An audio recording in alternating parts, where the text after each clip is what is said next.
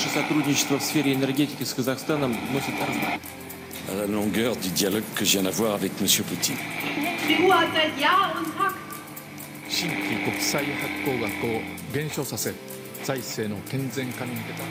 Símbolo del fascismo en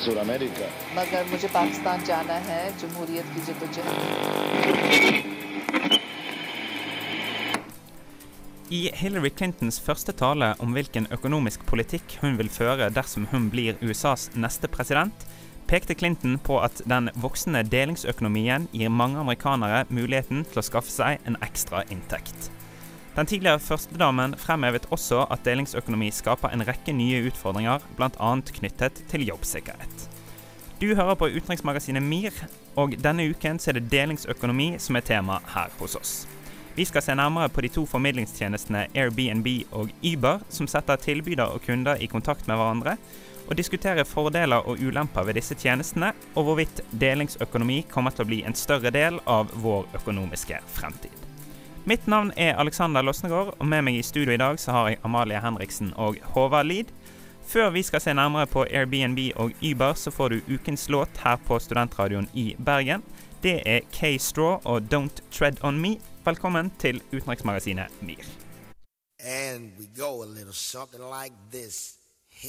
President Obama said he did not feel that he deserved to be in the company of so many. The committee has attached special importance to, to Obama's vision of and work for a world free from nuclear that have been honored by this prize and whose courageous pursuit of peace has inspired the world. For more inspiration, utenriksmagasinet MIR. I dag er det delingsøkonomi som er tema her i utenriksmagasinet MIR. Og vi skal begynne med formidlingstjenesten Airbnb. For i november 2008, 2008 så stiftet Brian Chesky, Joe Gebbia og Nathan Blecharchuk Airbnb i San Francisco. Airbnb er da en online markedsplass hvor brukere kan liste, søke etter og bestille overnattingssteder over hele verden. Og eh, Håvard, hva slags nyskapning representerer Airbnb i forhold til mer klassiske hotellkjeder? Airbnb har ingen faste ansatte, eh, og de, har, eh, de formidler kunnskapen, men de står ikke for selve tjenesten. Så folk som eier en leilighet, et hus osv., kan legge ut dette på Airbnb, og da ha et ganske stort marked med kunder. Så det fungerer som en eh, sånn hotels.com f.eks., men Airbnb eier ingen hoteller eller har ingen hotellansatte. Men eh, hvordan kan det da ha seg at eh, selskapet er verdsatt til 25,5 milliarder dollar, altså mer enn eh, en hotellkjede som Marriott og dobbelt så mye som et nettsted som Expedia? Dette er et selskap som finnes i veldig mange land, eh, og de tar også en liten andel av den transaksjonen. Når du leier en leilighet av en annen, så tar Airbnb mellom 6 og 12% av dette. Eh, og det blir det veldig mye penger av i, eh, når du aggregerer disse summene. Men eh, hvis vi ser på det i et litt større perspektiv, eh, hva slags ja, altså hva slags Hvordan er dette det, det, at man leier ut et rom, er jo ikke noe nytt i seg sjøl, men hvordan på en måte har man klart å gjøre dette til en så omfattende tjeneste? Nei, Det er jo privatpersoner som leier, leier, ut hvis de har et rom eller en leilighet til, til overs på en måte som de ikke bruker, eller hvis de skal på ferie sjøl. Eh, leier gjerne ut til turister. Altså Det har jo spredt seg eh, som ild i tørt gress, dette her. Nå er det jo i 192 land. Eh, og det er veldig praktisk og veldig enkelt, og det er korttidsleie. Det er ikke så veldig omfattende. Det er veldig sånn eh, enkel tjeneste hvis du bare skal en tur eh, og trenger et sted å bo imens. Eh, nå kan vi jo komme litt tilbake til dette når det gjelder Uber litt senere, for det har jo hatt litt flere utfordringer, i hvert fall sånn som jeg vet på akkurat dette området. Men hva slags utfordringer gir det at det er nettopp private som leier ut, at du ikke har en sånn overordnet eh, bedrift som holder styringen og kan kontrollere dette? Det er mange problemer, og det største er jo eh, skattlegging. Eh, det er veldig vanskelig for myndigheter å vite alle rom som leies ut eh, i løpet av et år. Og Det er flere andre utfordringer, også med garantier. Du på, hvis du er på et spesielt hotell, hvis du er på et SAS-hotell, så vet du hva du får, og du har en del garantier. Hvis det er streik, så får du erstatning. Her har du ikke disse garantiene. Airbnb har profesjonelle fotografer, så alle, alle rom ser veldig profesjonelle ut. Det ser veldig bra ut, men det er jo varierende kvalitet på uh, hva du får, i og med at hvem som helst kan legge ut rom. Ja, Det kan eh, være litt mer utrygt, på en måte. Det er ikke Det er privatpersoner. Du Ja, det er ikke like trygge rammer som det er på et hotell, da. Nei, dette er jo helt sentralt, Amalie, men hvorfor tror du da at likevel så mange velger nettopp Airbnb kontra vanlige hotellkjeder? Jeg tror det har med pris å gjøre, og at du gjerne får en leilighet framfor et rom på et hotell eh, der du kan disponere det sjøl og du, du, har litt mer frihet. Eh, ja, så jeg, de, de, snakker jo om at det holder på å ta litt over for det tradisjonelle utleiemarkedet. Eh, så det viser hvor populært det har blitt. Kan det òg være en fordel at her kommer du da i kontakt med lokale på det stedet du skal til, og at et hotell i sammenligning kan være litt generisk og litt litt sånn kjemisk rent, på en måte. Du være, er du inne i hotellobby, så kunne den hotellobbyen egentlig ha vært hvor som helst i verden. Jo da, det, du kan få litt mer altså, tradisjonelle rom og oppleve litt kultur. Det er jo veldig varierende hvor mye du har med utleier å gjøre. Da vil man se f.eks. couchsurfing, så har du jo mye mer den biten. Uh, men, ja, du, du får jo uh, på en måte være Altså er du en uke på Airbnb i Tyskland, så er du på en måte tysker for en uke, da. Men vi skal jo komme litt tilbake til enkelte andre utfordringer. Men i forhold til eh, enkeltbyer som helhet og lokalbefolkningen i en enkelt eh, by, hva slags utfordringer kan et selskap som Airbnb medføre da? Det presser jo prisene i lavkostland. Eh, ta en by som Berlin, som sliter med dette. Har det vært veldig veldig billig å leie bolig. Eh, og det har tiltrukket folk, f.eks. kunstnere, som da har hatt råd til å bo der. Nå kommer det inn turister med mye høyere kjøpekraft og leier opp disse vanlige leilighetene. Og det er mye mer attraktivt da å leie ut til f.eks. nordmenn til dobbelt pris. Så det gjør at det blir færre leiligheter tilgjengelig, og de som er tilgjengelige, blir dyrere. Vi skal straks se litt på en annen formidlingstjeneste, nemlig Uber. Men først så får du Hoggom Safari og Under paraplyen her på Studentradioen i Bergen. But I want to say one thing to the American people. I did not have sexual relations with that woman, Miss Lewinsky. I never told anybody to lie, not a single time, never. Sannheten kommer alltid for en dag i utenriksmagasinet MIR. Du hører på utenriksmagasinet MIR her på Studentradioen i Bergen. Mitt navn er Alexander, og med meg i studio i dag så har jeg Håvard og Amalie. Vi har snakket litt om formidlingstjenesten Airbnb. Nå skal vi bevege oss videre til det internasjonale transportnettverksselskapet Uber, som òg har sitt hovedkvarter i San Francisco i California. Og hva er Uber, Håvard? Uber har likhetstrekk med Airbnb eh, ved at de ikke eier De eier ikke eh, De har ikke ansatte, sjåfører, og de eier ingen biler. Men de kobler da folk med bil og folk som har lyst på en biltur, sammen. Eh, og mens Airbnb har blitt introdusert i mange land uten nesten at vi har merket noe protest, så har det vært enorme reaksjoner, spesielt fra taxinæringen, mot denne nye, nye formen for transport. Ja, for Amalie, hva er det taxinæringen reagerer på når det kommer til Uber? Uh, Uber er billig. Uh, de, de, er redd for å bli utfasa, rett og slett. De er redd for at uh, Uber kommer til å bli um, en, sto, altså en, stor konkurrent. Fordi taxi, taxifirmaene, da, de må ha diverse løyver, og de må betale flere avgifter og sånn som Uber-sjåfører slipper, så de må være dyrere enn Uber-sjåførene. Og det kan gå kraftig utover, utover taxinæringen.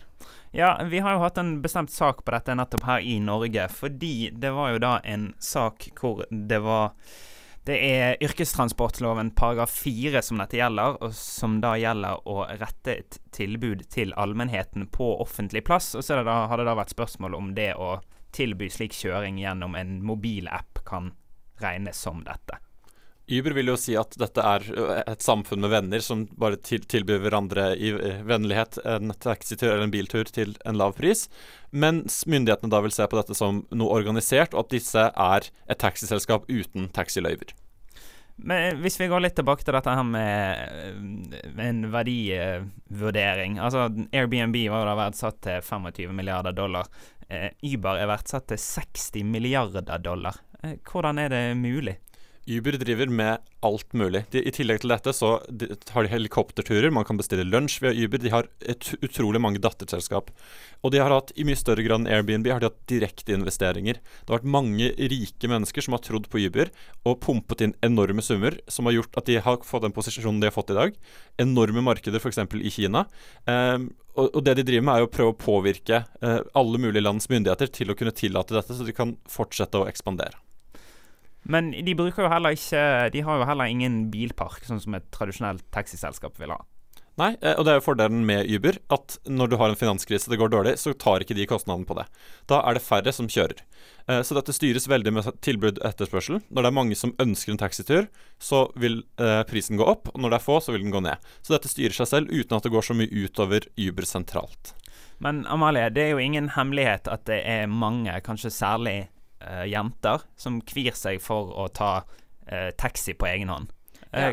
hva, hvordan vil du tenke å sette deg inn i en Uber med en helt fremmed?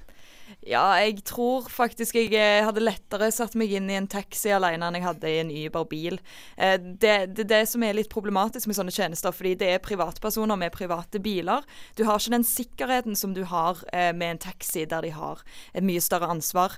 Men det går jo an å rate sjåførene på Uber, og legge inn ja, rate av bilene, sjåførene, alt dette her, så du kan se litt hvordan de er. Men det er jo allikevel ikke like trygt eller pålitelig, da. De de ratingene de har fått på, på nettet. Nei, for Uber bruker jo dette som et argument for at det er en sikker tjeneste. Men altså, en, sjåfør kan jo godt ha en god rating helt frem til den dagen det faktisk skjer et eller annet, eller han eller hun faktisk gjør noe ulovlig. Ja, og hvem som helst kan gå inn og trykke ti av ti stjerner holdt jeg på å si, på, på seg sjøl. Eh, så jeg hadde ikke stolt 100% på, på at det har kjørt nok personer, nok all, jenter alene f.eks., til at jeg kan vite at denne sjåføren er trygg.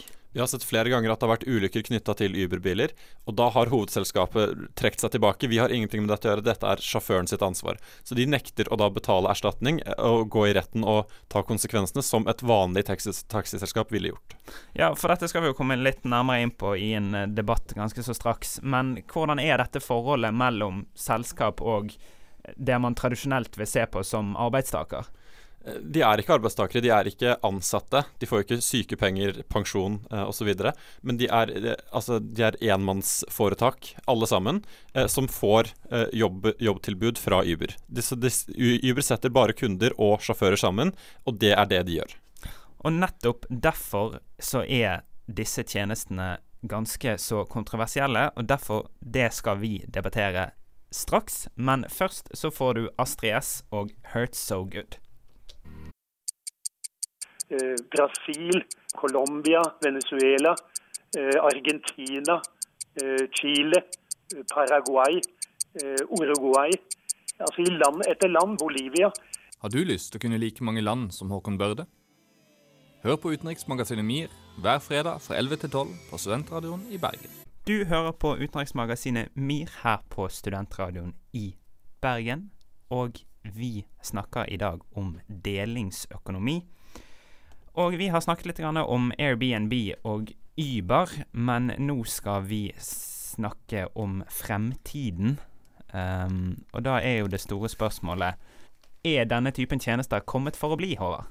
Jeg tror vi har sett så vidt sett starten av dette. Uh, det kommer til å bli mer og mer, uh, og vi ser allerede at det kommer på flere felter. Det startet kanskje med bil og hotell, men nå har det gått over i alle mulige uh, markeder. F.eks. har man Man kan finne en som kan passe hunden sin, man kan finne barnepass, man kan finne en som kan bake en kake for deg. Man finner alt mulig. Amare, tror du det stemmer? Ja. Uh, rett og slett. Det, det kommet for å bli, det er det. Og det, det har blitt lettere. Altså med, med tidene, tidene, som har eh, kommet, holdt jeg på å si, med sosiale medier og diverse, så, så, blir det mye mer tilgjengelig for folk i diverse tjenester. Det blir mye lettere å tjene penger for de som vil det, og det blir lettere å skaffe seg alle mulige små tjenester uh, du måtte trenge. Men nå har vi jo snakket litt om at dette medfører typisk utfordringer mellom Eh, arbeidsgiver, arbeidstaker. Eh, kan du komme på noen eh, bransjer hvor denne typen struktur kan være fordelaktig? jeg tror det kan koble, til, koble mennesker på en helt annen måte. Man har F.eks. har man veldig mange som er ensomme i dag. Dette er ting som kunne løst. At man finner f.eks. to ensomme, og så setter dem sammen. Man har, eh, man har jo f.eks. i Groruddalen i Oslo så har man hatt et prosjekt der eh, innvandrerungdom møter eldre. Ensomme folk som trenger noen å prate med, og folk som trenger no norskopplæring. Og Det er sånne ting som er mulig å koble sammen gjennom samme dataløsninger som f.eks. Airbnb. Men hva eh de juridiske utfordringene har vi jo vært litt innpå her. Eh, hvordan kan man eh, sørge for at denne typen tjenester både kommer inn på markedet, men òg reguleres sånn at man får en viss form for trygghet både for bruker og den som tilbyr disse tjenestene? Jeg tror eh, staten må stille krav, rett og slett. Og for Uber-sjåfører f.eks. så burde de måtte ha løyver. Eh, og så heller, Da blir de som en, en, konkurranse til de andre taxibedriftene. Sånn at de blir som en taxibedrift sjøl, og så blir det konkurranseutsatt. Og det er det jo allerede, så hvis de bare blir en del av taximarkedet, så er det ikke så, det ikke så stort problem, altså. Eh, og så må domstolene rett og slett ta en avgjørelse i hvordan loven skal se ut. fordi sånn som nå så var det en, en Uber-sjåfør som ble fri frikjent eh, for å ha kjørt bil, eh, tilbudt transport og tatt betalt for det. Men så kom det til lagmannsretten, og så tok de det opp igjen fordi det var eh, de, var, de, mente at det burde være ulovlig, og at han burde bli dømt. Så det er mye forvirring, og folk vet ikke helt hva man har lov å gjøre. Men du var litt inne på dette før vi gikk på i dag, Håvard. Hva slags samfunn kan man få hvis på en måte utbredelsen av delingstjenester og den typen delingsøkonomi på en måte får løpe fritt? Ja, da blir vi alle Alle enhver skal være et enkeltmannsforetak, og vi skal gjøre alt og ingenting. Eh, jeg tror det visker ut litt eh, både kvalitet, men det visker også ut alt vi har bygd opp gjennom 100 år med arbeiderrettigheter, tar man på en måte vekk. Og Det er veldig beleilig for de som sitter og organiserer det. Eh, sjefene i Uber tjener mye. Og det er beleilig for forbrukere, men det er ufordelaktig for en Uber-sjåfør. Sett at det er veldig lite etterspørsel, så sitter han uten arbeid. Og sett at det er stor konkurranse, så vil også det være vanskelig å få sin del nok til å kunne leve av det. Ja, og de får jo, hvis du, hvis du driver en Uber-taxi, eller leie ut uh, i Airbnb og sånn, så får du jo aldri et, et skikkelig ansettelsesforhold med, med, fordeler og beskyttelse på den måten du har det der. Så det blir som om vi blir en haug med frilansere, rett og slett. Og eh, det kan være mer utrygt uh, når vi vil sikre at arbeidstakere da har de rettighetene de har krav på ellers. Men hvor viktig er akkurat dette med kvalitet? For det er jo et typisk argument som trekkes frem både fra gjerne både fra hotellkjeden, men òg kanskje særlig fra taxinæringen, som vi i hvert fall har hørt her i Norge, at eh, bare sørg for at lovreguleringen blir sånn at disse tjenestene får komme inn på markedet, så skal vi utkonkurrere de på kvalitet ellers. Ja, eh, det, jeg tror de har en jobb å gjøre der hvis de, hvis de skal eh, Altså hvis de vil konkurrere på den måten, men jeg tror allikevel tilgjengeligheten og hvor enkelt det er, jeg tror det, de vinner kraftig på det, selv om det er ja, selv om de andre jobber veldig for å være eh, kvalitetssikra og eh, ja, veldig clean.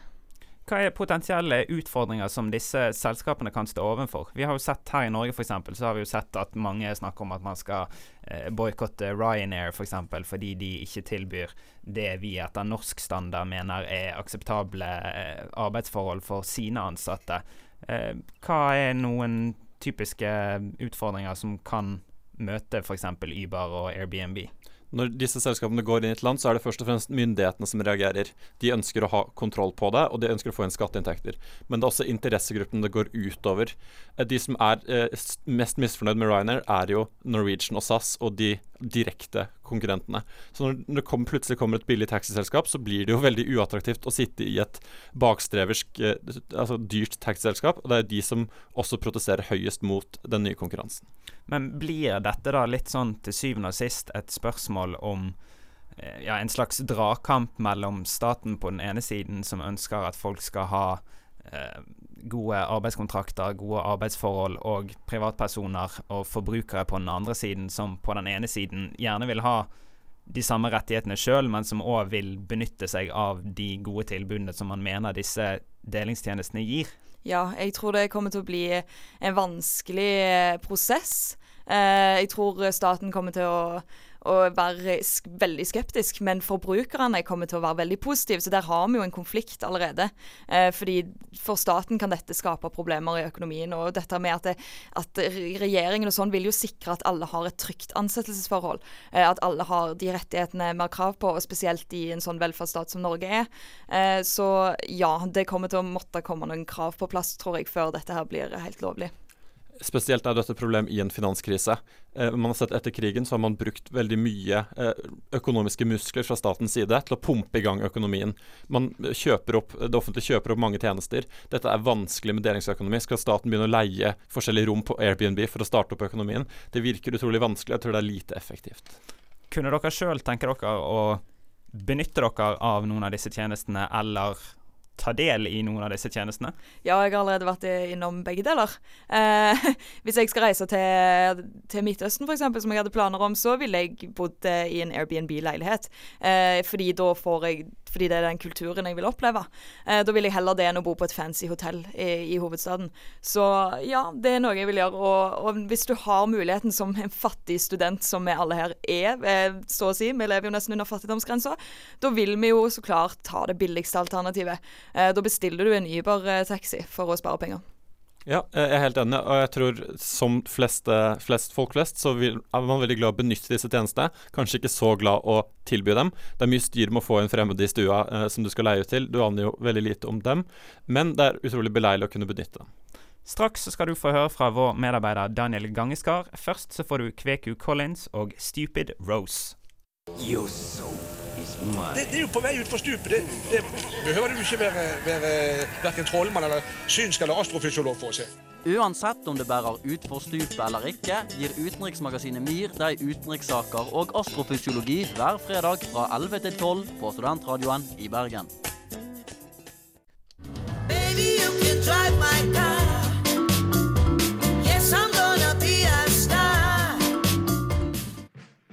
Verden er under konstant endring.